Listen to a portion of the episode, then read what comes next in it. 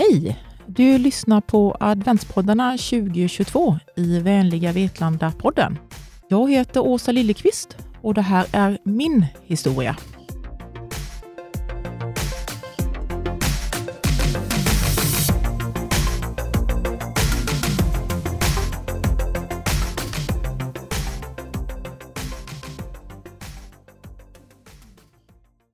Jag och min kvinnliga kollega befinner oss i en liten by någonstans på höglandet. Vi har följt skospåren i snön som leder fram till huset. Vi ser en bil som står parkerad vid huset. Vi gör en slagning på bilen i våra register. Ägaren till bilen är den som bor i huset vi är vid och han är markerad som farlig och förekommer med vapen. Vi vet att vi inte kommer att få hjälp av någon annan patrull. Vi förbereder oss för att gå in i huset. Jag står till höger om ytterdörren. För första gången i tjänst tar jag ner min bygel på hölstret och tar fram mitt vapen och gör en mantelrörelse så att jag har kula i loppet. Det är kväll, det är kallt, det är mörkt. Endast några gatljus lyser. Jag tittar mig runt omkring för att vara säker på åt vilket håll jag kan skjuta så ingen annan ska komma till skada.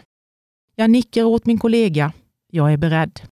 Min kollega går fram, knackar på dörren och går åt sidan så att personen som befinner sig i huset inte ska se henne när han kommer ut. Just då, när hon knackar, så blir jag helt lugn. Min puls är stabil, jag andas lugnt och jag är beredd. Jag litar på min kollega, jag litar på oss, att vi kan det här och jag tänker, är det denna dag som kommer bli den dagen som jag måste använda mitt tjänstevapen för första gången? Som jag sa tidigare heter jag Åsa Liljeqvist och jag hoppas ni kommer tycka att det jag ska prata om är intressant. Jag är en kvinna som bor i Vetlanda kommun och det har jag gjort i hela mitt liv. Mina första 27 år bodde jag i Vetlanda. Därefter flyttade jag till en by utanför stan. Jag är gift med Johan. Vi har två barn tillsammans. En dotter som heter Emily och en son, Adam. De är det bästa med mitt liv. Min övriga släkt är stor, brokig och helt underbar. Man kan ju undra varför jag fick frågan att vara här. Jag kan börja med att säga att jag är otroligt stolt att jag blev tillfrågad. Det var inte en självklarhet att tacka ja. Detta är verkligen utanför min bekvämlighetszon. Jag frågade min man och mina barn och de sa kör. Det kan alltid intressera någon. Jag kanske kan rätta ut lite frågor, funderingar och kanske även inspirera någon till att arbeta med det jag gör. Vad har jag då för arbete? Jag har ett arbete som nästan alla har en åsikt om. Jag är nämligen polis. Varför vill man bli polis? Den frågan får man när man är på intervju vid antagningen. Så vill man bli polis så ska man fundera ordentligt på den frågan. Jag har funderat mycket på det här.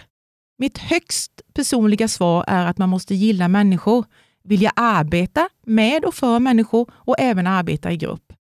Jag tror även på den svenska demokratin, hur den är uppbyggd med fria val, yttrandefrihet, allas lika värde och så gillar jag faktiskt också ordning och reda. Arbetet är omväxlande och den ena dagen är faktiskt inte den andra lik. Men hur omväxlande kan man aldrig föreställa sig förrän man börjar arbeta som polis. Det kan vara allt från att ta bort en uggla ur en skorsten till att lämna dödsbud. Nu undrar ni säkert, ta bort en uggla, men det har faktiskt jag gjort. Det är ju så här, att vet man inte var man ska ringa så ringer man till polisen. Och oftast löser vi uppgiften. Inte alltid som medborgarna tänkt, men vi löser det. Jag brukar säga att vi är problemlösare. Hjältarna, det är räddningstjänsten och ambulansen. Min bana som polis började ganska sent. Jag började faktiskt studera när jag var 37 år. Varför jag inte började tidigare, det kan man undra. Som jag nämnde tidigare är jag uppvuxen i Vetlanda, närmare bestämt i Mellangården. Min pappa och hans bror med fruar byggde hus där. Och som jag sa så är min familj stor. Min pappa hette Ulf Haraldsson och han hade fem syskon, fyra bröder och en syster. De tillsammans med min underbara farmor hade ett företag som hette Vetlanda renhållningstjänst. De och några anställda hämtade Vetlandabornas hushållssopor under några år. Under rätt många år faktiskt. Det var min farfar och min farmor som startade det här företaget. Men när min farfar blev sjuk och dog alldeles för ung så var det min pappa och hans syskon och min fina farmor som tog över och fortsatte. Det var och är så man gör i min familj. Man ställer upp för varandra. Min pappa och hans syskon var uppfostrade så och så har jag blivit uppfostrad.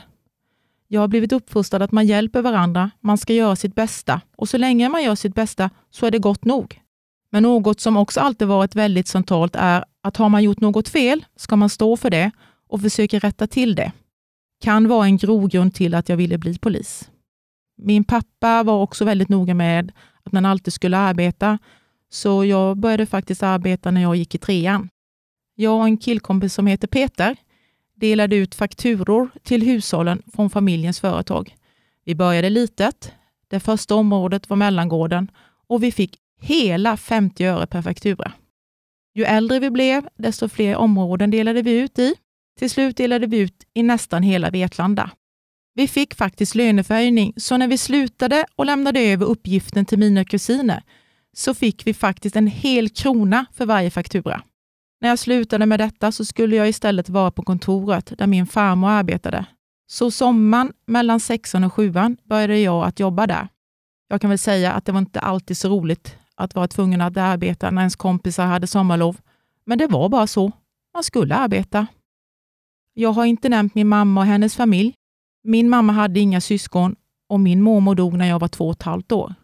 Min mammas familj var med andra ord inte så stor så min pappas familj blev det centrala i mitt liv. Min morfar dog när jag var 13 år och min fina, fina mamma Inga fick jag inte behålla så länge. Hon dog i cancer när jag var 17 år. Hon hade precis fyllt 40 år. Att förlora en förälder när man är så ung präglar faktiskt hela ens liv. Man har en saknad hela livet och en undran om hur livet hade blivit om hon hade fått leva. Det är så många händelser i livet som man hade velat få dela med henne. Jag kan ibland känna mig så avundsjuk på mina vänner när de berättar vad de har gjort tillsammans med sina mammor. När jag och min dotter gör saker tillsammans, då kan jag tänka att så här hade jag önskat att jag och min mamma hade fått göra. Det behöver inte vara något stort. Det kan bara vara att man går ut och går eller tar en kopp kaffe på något café. Mina bröder, Jörgen och Martin, de var 15 och 7 år när hon dog. Så när min pappa skulle få livet att gå ihop med arbete och familj, då fick vi hjälpas åt. Arbetsuppgifterna hemma delades upp och på min lott blev bland annat att rensa blomrabatterna. Jag kan säga så här, att idag i min egna trädgård har vi en rabatt och den är väldigt sällan rensad. Jag fick också gå några gånger på föräldramöte när min pappa inte kunde. Det var aldrig tal om att man inte skulle gå. Kunde inte pappa, då fick jag gå. Och det var inte något som var konstigt. Vi skulle ju hjälpas åt. Sen att det kändes konstigt, det var en helt annan sak. Jag har en väldigt fin och tajt relation med mina bröder. Det kan nog tycka att jag är lite jobbig ibland. Jag försöker väl fortfarande fostra dem och det går väl inte alltid hem. Jag är ju stora syster. Jag sa väl att min familj var stor. När jag var runt 19 år så träffade faktiskt min pappa en ny kvinna. Hon heter Irene. Hon har två barn, Lars och Annette. Pappa och Irene gifte sig så småningom och flyttade ihop. Jag är så tacksam att min pappa fann någon ny att älska. När min mamma dog var han bara 39 år och han var värd att få någon att dela sitt liv med. Vi beskriver oss så här, att vi är två familjer i en. Jag fick två syskon och vi har en jättefin relation. Det är faktiskt mina syskon. Mina barn säger mormor till Irene och hennes sons barn sa farfar till min pappa.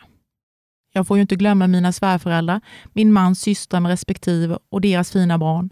De är en stor del av mitt liv. Min pappa dog 13 december 2014, endast 69 år. Jag saknar honom varje dag. Han var mitt rättesnöre.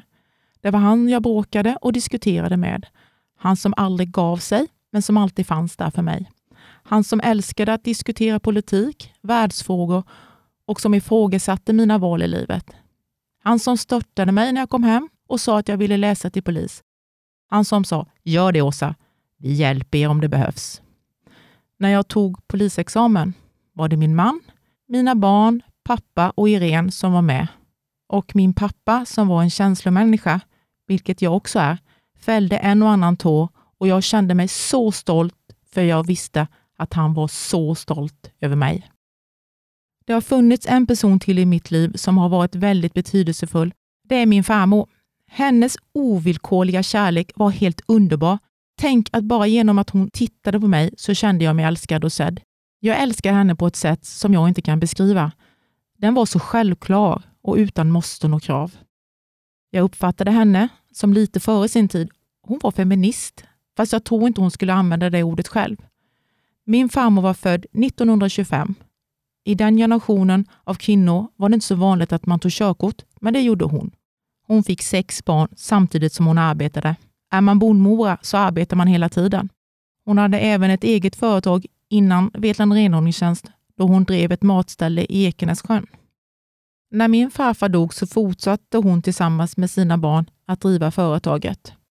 Hon tyckte det var viktigt att man röstade när det var val. Det var ingen rättighet utan en skyldighet man har och jag kan bara hålla med henne. Vad man röstade på, det spelade inte så stor roll. Det viktigaste var att man röstade. Hennes hem, som man alltid kände sig välkommen till, och där fick man verkligen världens bästa mat. Hennes köttbullar och hennes kanelbullar, det är de bästa som fanns. Hon som hade 18 barnbarn som hon älskade, men ändå fick hon en att känna sig speciell. Barnen kom alltid först. Hos svärmor var det alltid barnen som fick ta mat först innan de vuxna. Barnen var det som var det viktigaste. Hon älskade att dansa, sjunga och klä sig snyggt. Hon var snygg och ungdomlig på något vis.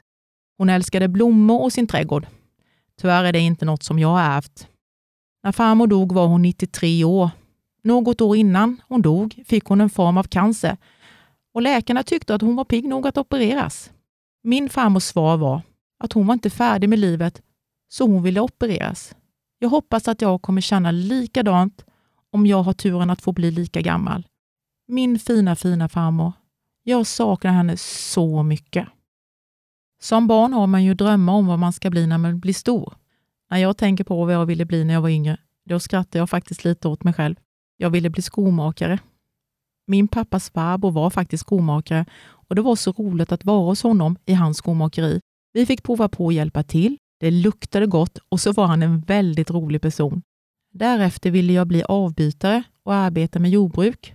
Sedan var det sjuksköterska. När det blev dags att välja till gymnasiet, då blev det ekonomi. Jag har aldrig arbetat med ekonomi. Önskan att bli polis fick jag när jag var runt 25 år, men då var man tvungen att ha en perfekt syn och det hade inte jag. Det fanns inte på kartan att man skulle operera ögonen, vilket man kan göra idag. Livet gick sin gilla gång och jag arbetade med lite olika saker. Jag var på Sapa och där hade jag hand om posten. Jag arbetade som tågvärdinna och jag arbetade i receptionen på Vetlandaposten och däremellan fick jag lite barn också. Men 2001 då började jag jobba på en firma som heter PGVL i Landsbro. Där fanns det en tjej som arbetade extra för hon pluggade. Hon heter Martina och hon studerade till polis. Det är tack vare henne som jag är polis idag. Det var hon som upplyste mig om att man inte längre behövde ha perfekt syn. Efter samtal med min man, ja, man måste ha med sig sin familj om man vill börja studera, så sökte jag till utbildningen och kom in på första försöket. När brevet kom från Polismyndigheten blev jag så nervös att jag först inte vågade öppna det. Jag ville det här så himla gärna. Jag gick in på toaletten, öppnade brevet, sen skrek jag rakt ut. Jag kom in! Jag kom in! Nästa sak jag sa till min man var, hur ska det här gå? Han, han skakade bara på huvudet. Det som är lite roligt i det hela är att idag är Martina och jag kollegor och vi arbetar som områdespoliser här i Vetlanda Sävsjö. Det var inte helt lätt att studera i Växjö, ha småbarn, hus och pendla, men jag har aldrig ångrat mitt beslut. Jag såg tiden i skolan som ett arbete. Tiden på skolan var arbetsdagen och helgerna gick åt till att plugga inför tentorna. Jag hade inte så mycket fritid och jag hade aldrig fixat det om inte min man varit med på tåget. Det var så roligt att börja studera igen. Känslan att få lära sig nya saker och lyckan när man faktiskt löste det.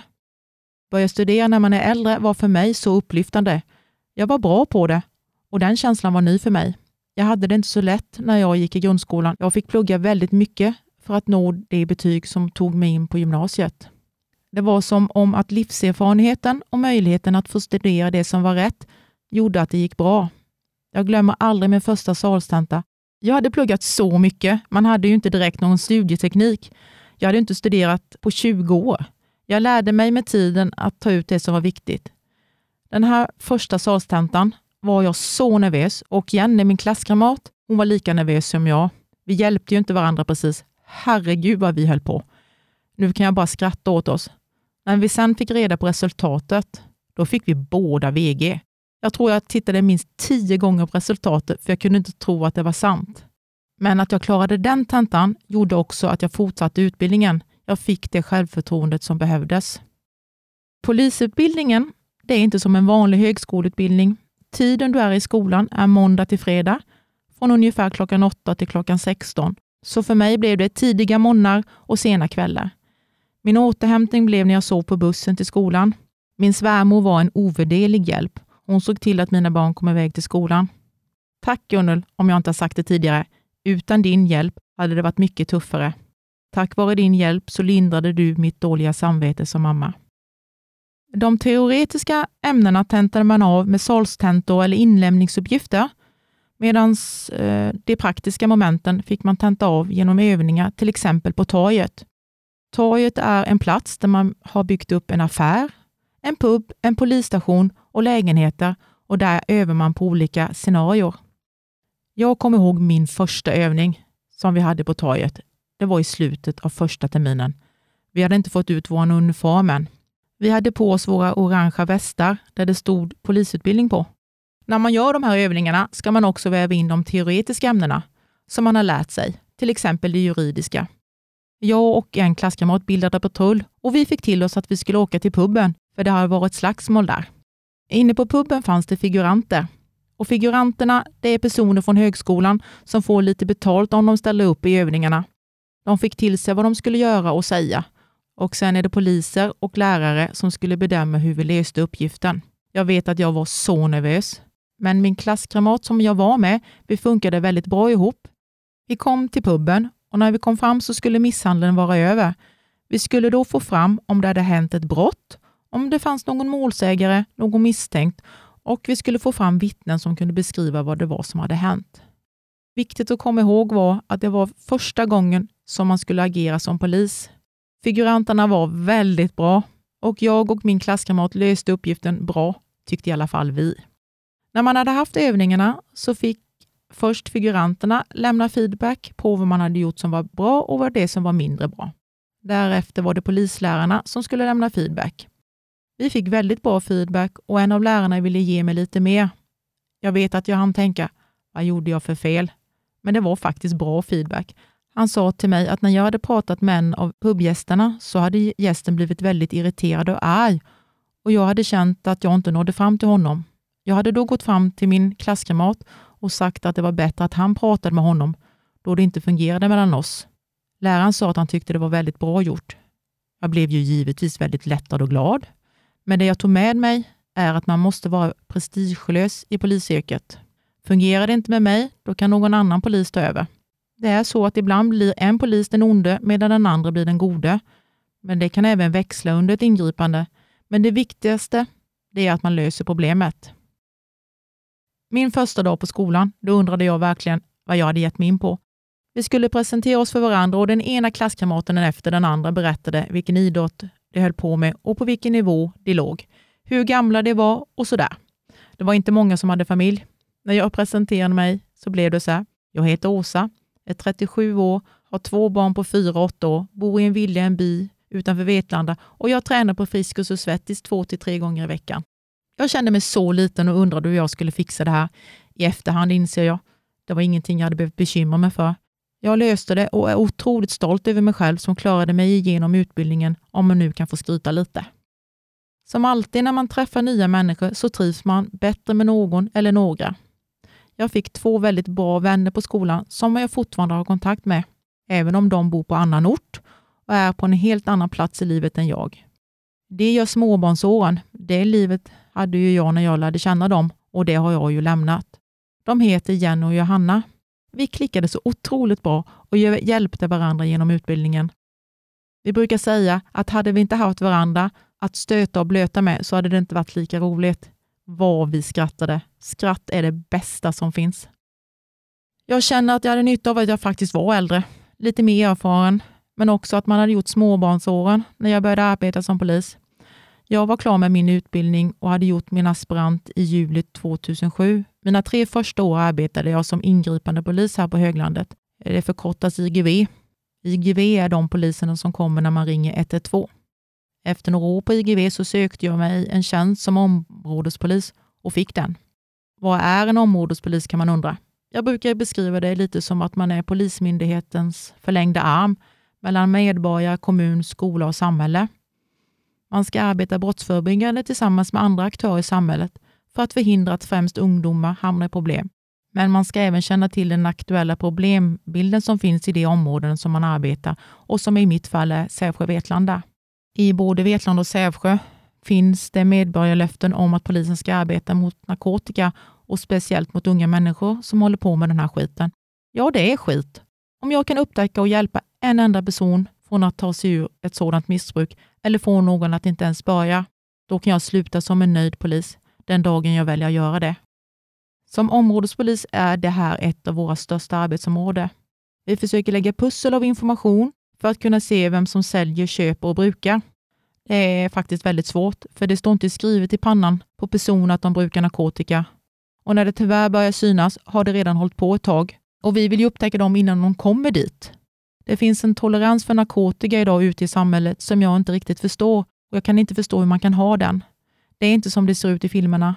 Det finns en föreställning bland de som brukar främst kokain, att inte det är narkotika.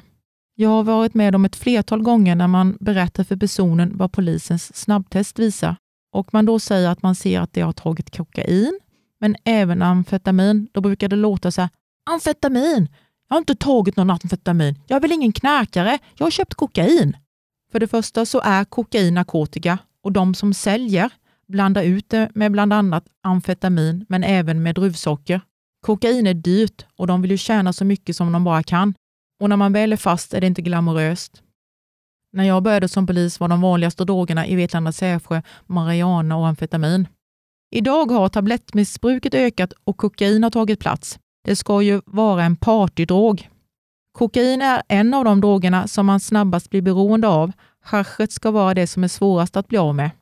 De ungdomar som jag har träffat under åren som missbrukat narkotika och som har blivit erbjudna hjälp men inte velat ha hjälpen.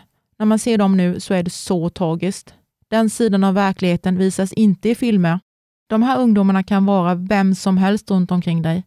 Du som förälder eller annan vuxen, om du är orolig för någon och tror att någon brukar narkotika, tveka inte, hör av dig till polisen. Du behöver inte uppge namn, men du kan få råd om hur du ska gå tillväga för att kunna hjälpa den här personen i fråga. Det är det viktigaste. Vi ska hindra någon från att hamna i skiten och så ska vi se till att de som säljer blir straffade. De som är liberala i frågan om narkotika brukar alltid hänvisa till att alkohol är farligare. Ja, alkohol är farligt, det förstör för så många och hade man upptäckt alkoholen idag hade nog alkohol blivit klassat som en drog. Kör man motordrivet fordon med alkohol i kroppen så är det ett brott. Det är många som kör med alkohol i kroppen och det är de som du minst anar som har problem med alkoholen. Jag kommer ihåg min första alkoholpåverkade bilförare. Vi har en trafikkontroll. En kollega vinkar in en bil. Jag går fram och frågar efter körkort och berättar att vi även idag har en fordon och förarkontroll och ber personen att blåsa i min utandningsapparat som heter dräger. När drägen tänkt klart ser jag att det är positivt. Det innebär att personen framför mig har druckit alkohol och behöver följa med in till polisstationen för ytterligare prover. Personen i fråga luktar inte. Jag kan inte anmärka på körningen, det lilla jag såg. När vi sedan kollar i polisens register om personen förekommer finns det inget. Personen är gift, har barn i början av tonåren, bor i hus och har en bra inkomst. Personen tillfrågas om vad hen har druckit. Hen svarar att jag tog en öl igår, runt klockan 21. Jag kommer ihåg att jag frågade, en starköl? Och hen svarar, nej, en tre och en halva. Hen får blåsa i vår evidenser som finns på polisstationen och när resultatet kommer så har personen framför mig 0,4 promille. I Sverige är det straffbart vid 0,2 promille och man blir av med körkortet vid 0,32 promille. Hen kunde inte förstå hur detta kunde ske. Jag frågade hen om hen ville ha kontakt med socialtjänsten för att få hjälp gällande sin alkoholkonsumtion. Hen ville inte ha någon hjälp. Hen levde i total förnekelse och det är så många som gör det. Den där ölen som hen druckit på kvällen, den historien har jag sedan dess hört hur många gånger som helst. Jag och mina kollegor brukar fråga oss var man kan köpa den ölen någonstans. Den måste vara väldigt speciell. Nu kommer jag att sticka ut näsan lite och hoppas att de som lyssnar tar det på rätt sätt. När man arbetar som polis så är man skyldig att rapportera om det begås ett brott. Man är även skyldig till att skriva till socialtjänsten om man bland annat har med ungdomar att göra. Har vi som poliser fått ta hand om en ungdom som till exempel har druckit för mycket så ska vi ringa till föräldrarna och vi ska skriva till socialtjänsten. När jag som polis ringer till dig som förälder är det mitt jobb. Jag hoppas ni förstår att det är inte för att vi ska säga att ni är dåliga föräldrar. Vi gör det här för att vi är rädda om din ungdom och inte vill att denne ska skadas. Och vi har även en skyldighet. Så när polisen ringer hem, undra då inte om vi inte har något bättre för oss. Vi vill bara se till att ditt barn får hjälp att komma hem. Inom polisens arbetsuppgifter så ingår det även att arbeta mot trafik. I både Vetlanda och Sävsjö finns det en kultur gällande motordrivna fordon. De senaste åren har till exempel A-traktorerna ökat och allmänheten upplever detta som ett stort problem. När vi poliser stoppar och kontrollerar dessa fordon så är det inte för att vi ska sätta dit någon. Det ingår i vårt jobb att kontrollera. Tyvärr är det ju så att många, jag säger nu många, inte alla har brister som behöver åtgärdas. Det är inte okej okay att en A-traktor till exempel går i 90 km i timmen. De som kör en sån bil har varken ålder eller körkort för detta. Allmänheten är väldigt snabb på att informera polisen om det är någon bil som kör för fort, även vanliga bilar. Då är det vår skyldighet att rapportera och informera föräldrarna vad vi gör. Det är återigen vår skyldighet som polis, men även är det för att förhindra att det händer olyckor. Jag vill inte åka hem till någon förälder och lämna det hemskaste beskedet som en förälder kan få. Jag vill åtgärda det innan det händer. Men återigen sticker jag ut näsan. Du som förälder, du har en skyldighet att se till att ditt barns fordon fungerar som det ska. Ser du till att fordonet fungerar så kommer inte polisen kontakta er gällande detta. Det är återigen inte för att vara elaka som många tror, utan det är faktiskt för att rädda liv. Det kallas för brottsförebyggande arbete. Är det lätt att vara polis? Nej, det är det inte. Är det roligt? Ja, det är det. Är det spännande? Ja, det är det. Är det hemskt? Ja, det är det. Polisyrket är så mycket och jag tänkte att jag skulle berätta om en händelse för att belysa hur svårt det kan vara. Jag och en kollega blev ombedda att åka till en adress för det hade hört skrik och dunsa och någon hade ropat på hjälp. Vi fick till oss att det bodde en kvinna och hennes fyra barn på adressen. Barnens pappa bodde inte där. Vi hade ingen information sedan tidigare på adressen så vi visste inte vad vi åkte till. Men det lät inte bra. Vi kommer till lägenheten och vi hör hur det skriks från lägenheten. Det är en kvinna som skriker, men vi hör även en man. Vi vet nu med säkerhet att det är en vuxen till i lägenheten. Vi ringer på och dörren öppnas av kvinnan. Det är en reslig kvinna. Hon är arg och hon blöder från armen. Det som far genom våra huvuden är, vem har gjort det här mot henne? Är personerna kvar i lägenheten? Var är barnen? Jag vet att vi begär förstärkning. Vi får till oss att det kommer en patrull till om cirka 15 minuter. Men vi går in i lägenheten, pratar med kvinnan hela tiden och vi frågar henne om det är några mer i lägenheten. Då kommer det fram en man och en flicka som kan vara ungefär åtta år. Vi ser att det är glasbitter på golvet. Vad är det som har hänt?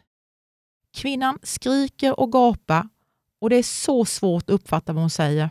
Hon är så arg. Vi delar på paret och försöker få fram deras olika berättelser. Både kvinnan och mannen är kraftigt berusade och det gör ju inte det hela lättare. Det som kommer fram till slut är i alla fall att kvinnan och mannen är ett par, men han bor inte där. De har druckit ganska mycket under kvällen och kvinnan har blivit arg på mannen. Hon har börjat slänga glas och flaskor och när hon har försökt städa har hon också skurit sig ganska illa. Den andra polispatrullen kommer till platsen och tar hand om mannen. Jag kommer inte ihåg vad som hände med honom, men jag och min kollega är kvar i lägenheten. Kvinnan är fortfarande väldigt arg och som sagt kraftigt berusad och börjar nu bli arg på oss poliser.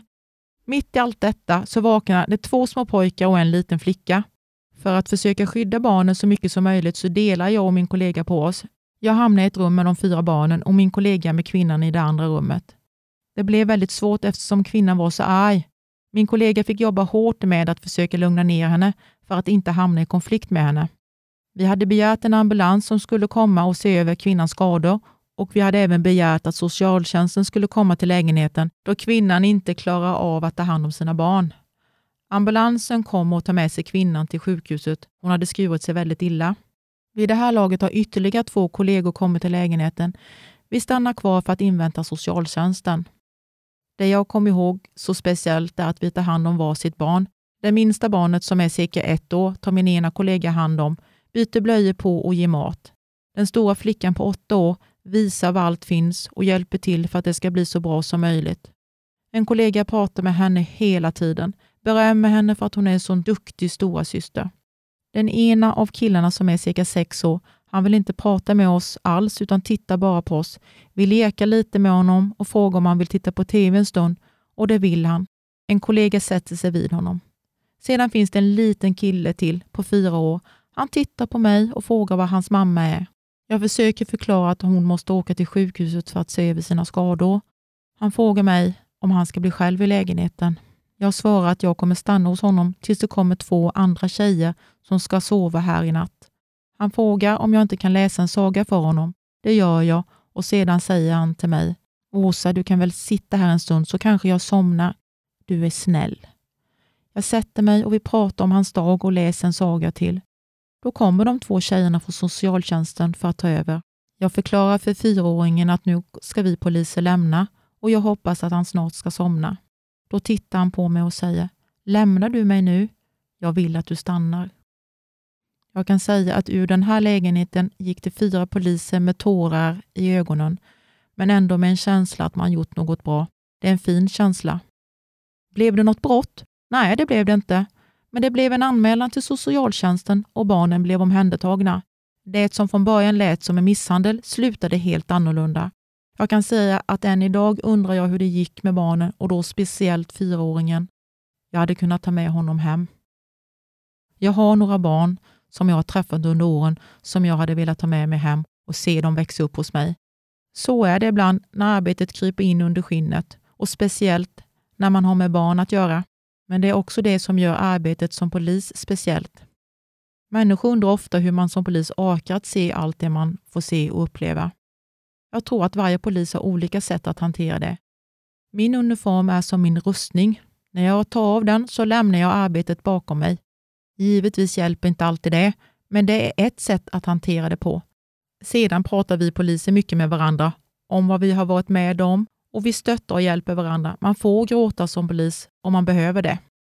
Mina arbetskamrater, mina kollegor är otroligt viktiga. Dels är man ett team när man arbetar. Man måste lita på den man åker med. Man måste lita på att den personen har din rygg. Men det är också de som förstår dig när ingen annan förstår dig. Det man möter som polis är inte direkt det vanliga. Har man varit med om något tufft så förstår ens kollegor. Man behöver egentligen inte säga så mycket till varandra. Man bara förstår.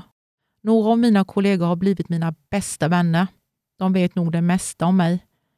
För sitter man tillsammans med varandra i en bil 8 till 10 timmar nästan varje dag så lär man känna varandra. Det är också något som är fantastiskt med att bli polis. Det är dina arbetskamrater, gemenskapen man får med varandra. Tror att den är svår att få någon annanstans. Områdespolis, arbetar sin egen hemstad. Hur är det? Den frågan har jag också fått några gånger. Jag har alltid svarat att jag tycker fördelarna väger över. Jag känner till staden och byarna runt omkring. Jag hade ju väldigt stor nytta av att jag bar ut fakturor när jag var mindre, kan i alla fall nästan alla gator och man känner en del av de människor som bor här. Det som kan bli svårt är när man får ett jobb som innebär att man får åka till någon man känner eller vet vem det är. Oftast är det i och för sig svårare för dem än vad det är för mig, så även där väger fördelarna över. Många tycker att det är skönt att det kommer någon som de känner.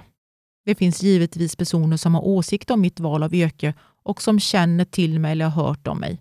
Det finns de som gärna vill säga att du var inte bättre själv när du var ung. Lyckligtvis är de här personerna få. Det jag vill säga till dem är att även om jag har polis som mitt yrke så har jag givetvis gjort saker, så som har blivit kär i fel kille, varit på krogen, varit på raggarträffar, dansat, varit på fester, umgåtts med vänner, varit på Öland och firat midsommar, varit på festivaler, varit utomlands med kompisar, turat till Danmark, gjort och gör saker som alla andra gör.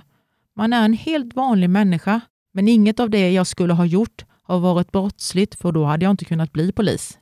Det som också kan göra det svårt att arbeta i sin hemstad är att ens familj blir inblandad. De har inte valt det här yrket. Min man har väl inte alltid tyckt att det är så roligt när människor kommer fram till oss och ska prata polisfrågor när jag är ledig. Och jag vet att personer ifrågasatt mig som polis till mina barn. Det kan väl inte vara så roligt att höra saker om sin mamma, saker jag gjort i egenskap av polis, där de som har varit inblandade inte alltid tyckt att saker och ting gått rätt till. De har inte alltid använt de fina orden. Eller när man som ungdom börjar gå ut på krogen så står mammas kollegor och tittar på en och säger hej. Jag i egenskap av mamma, jag tyckte det var väldigt bra. Jag har frågat mina barn vad de har fått höra, men de vill inte riktigt säga. Jag tror de vill skydda mig. Men jag vet en gång när min dotter kom hem och då var hon riktigt arg. Då kom det fram lite. En kille hade frågat henne, din mamma är väl polis? Och hon svarade, det vet du. Varför frågar du? Hon är ju helt blåst. Hon hade tittat på killen och sagt, alltså, det tycker du? Och då ställer hon motfrågan, vad gjorde du för att min mamma skulle uppmärksamma just dig? Killen blev lite paff och så sa han att han hade tjafsat med några killar och att det nästan hade blivit bråk. Vi kan väl säga att han inte riktigt berättade hela sanningen för Emily. Han förskönade den lite. Min dotter frågade honom då, tycker du det var konstigt att min mamma i egenskap av polis kom fram till er? Killen svarar då, nej egentligen inte. Nej, eller hur, svarar min dotter. Killen säger då, hon blev ju så arg. Min dotter frågade då killen, svarade du emot? Du gjorde inte som hon sa. Det kan man väl säga, svarade killen. Emily berättade för mig att hon skrattade och så sa hon till killen, skyll dig själv, nu förstår du hur jag har det hemma när jag inte gör som min mamma vill. Emily och jag skrattade tillsammans åt händelsen och speciellt hur hon avslutade samtalet.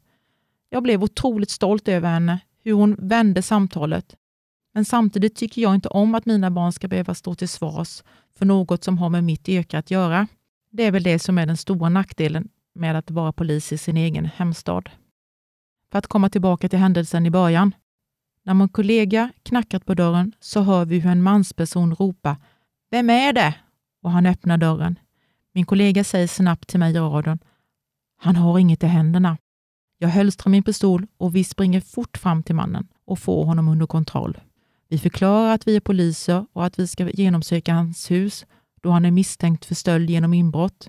Vi sätter honom i hans soffa och jag står vid honom för att ha honom under uppsikt. Min kollega söker igenom bostaden.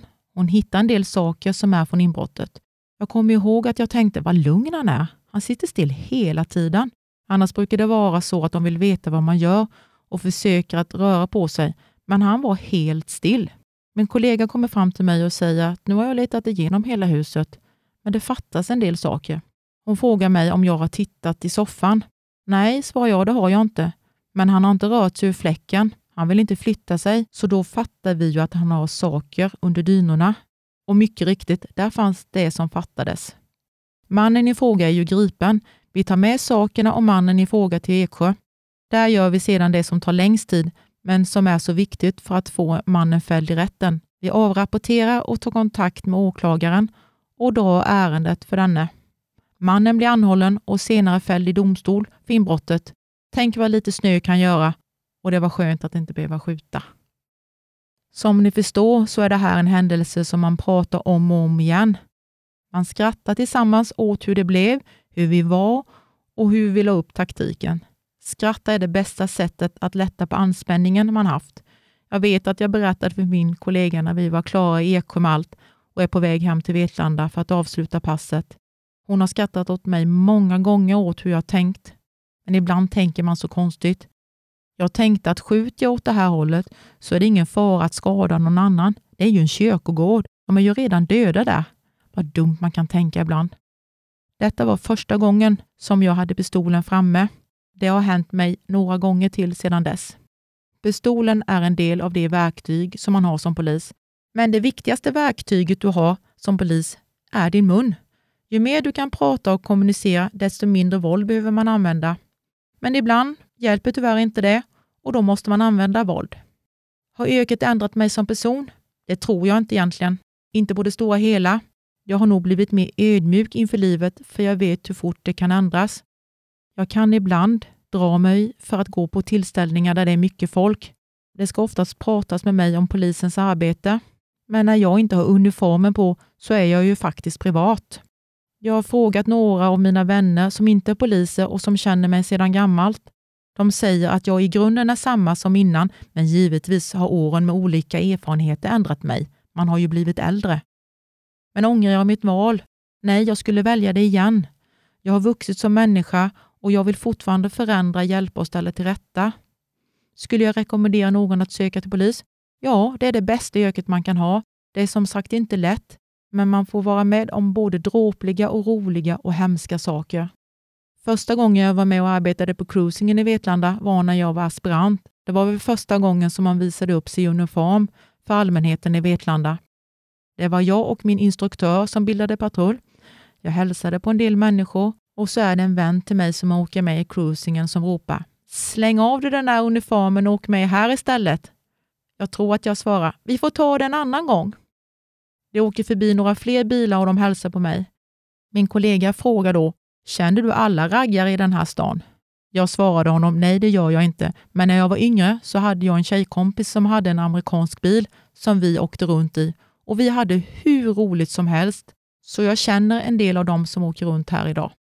Cruisingen i Vetlanda är början på sommaren. Jag tror att många uppskattar den. Det är i alla fall väldigt många människor som är ute och tittar. Det tycker jag är roligt. Det är en väldigt trevlig tillställning. Givetvis händer det att någon druckit för mycket, men det händer även en vanlig fredagkväll. Jag skulle kunna berätta om hur många händelser som helst, både tragiska, spännande och dråpliga, men då skulle inte den här tiden räcka till. Men jag känner att jag måste berätta om Uggleincidenten, som jag ändå tog upp i början av programmet. Jag och min kollega får till oss att någon ringt in till polisen om att de har en uggla i sin skorsten och att polisen ska åka dit för att hjälpa till. Min kollega och jag tittar på varandra och ställer frågan ”En uggla?” Vi får till svar ”Ja, ni ska åka dit och hjälpa dem”. Min kollega och jag tittar på varandra. Hur ska vi lösa det här? Min kollega skrattar och frågar ”Lärde du dig det här på Polishögskolan?” Vi får tag i lite tjockare handskar och hitta en större kartong som vi kan lägga ugglan i. Det är nämligen så här att vissa ugglor är fridlysta och är på det sättet statens vilt. Är det en fridlyst uggla ska den tas hand om. Är den död ska den skickas vidare för att man ska kunna utreda vad den dött av. Det gör inte polisen. Min kollega frågar mig om jag vet några ugglesorter. Jag svarar att jag kan kattuggla, men inget mer. Min kollega svarar skrattande att hon kan kattuggla och rugguggla. Vi skrattar och känner oss lite villrådiga. Hur ska vi lösa det här? Ska vi behöva klättra upp på husets tak? Vi kollar upp några ugglesorter för att få lite mer kunskap. Vi åker till huset där ugglan ska vara. Ugglan är inte fast i rökgången. Den befinner sig i själva kaminen. Jag sätter på mig de lite tjockare handskarna och går fram, öppnar luckan och ser en förskrämd kattuggla. Det enda jag kan tänka på är att den kommer hacka på mig och det kommer göra så ont. Min kollega står bakom och peppar mig.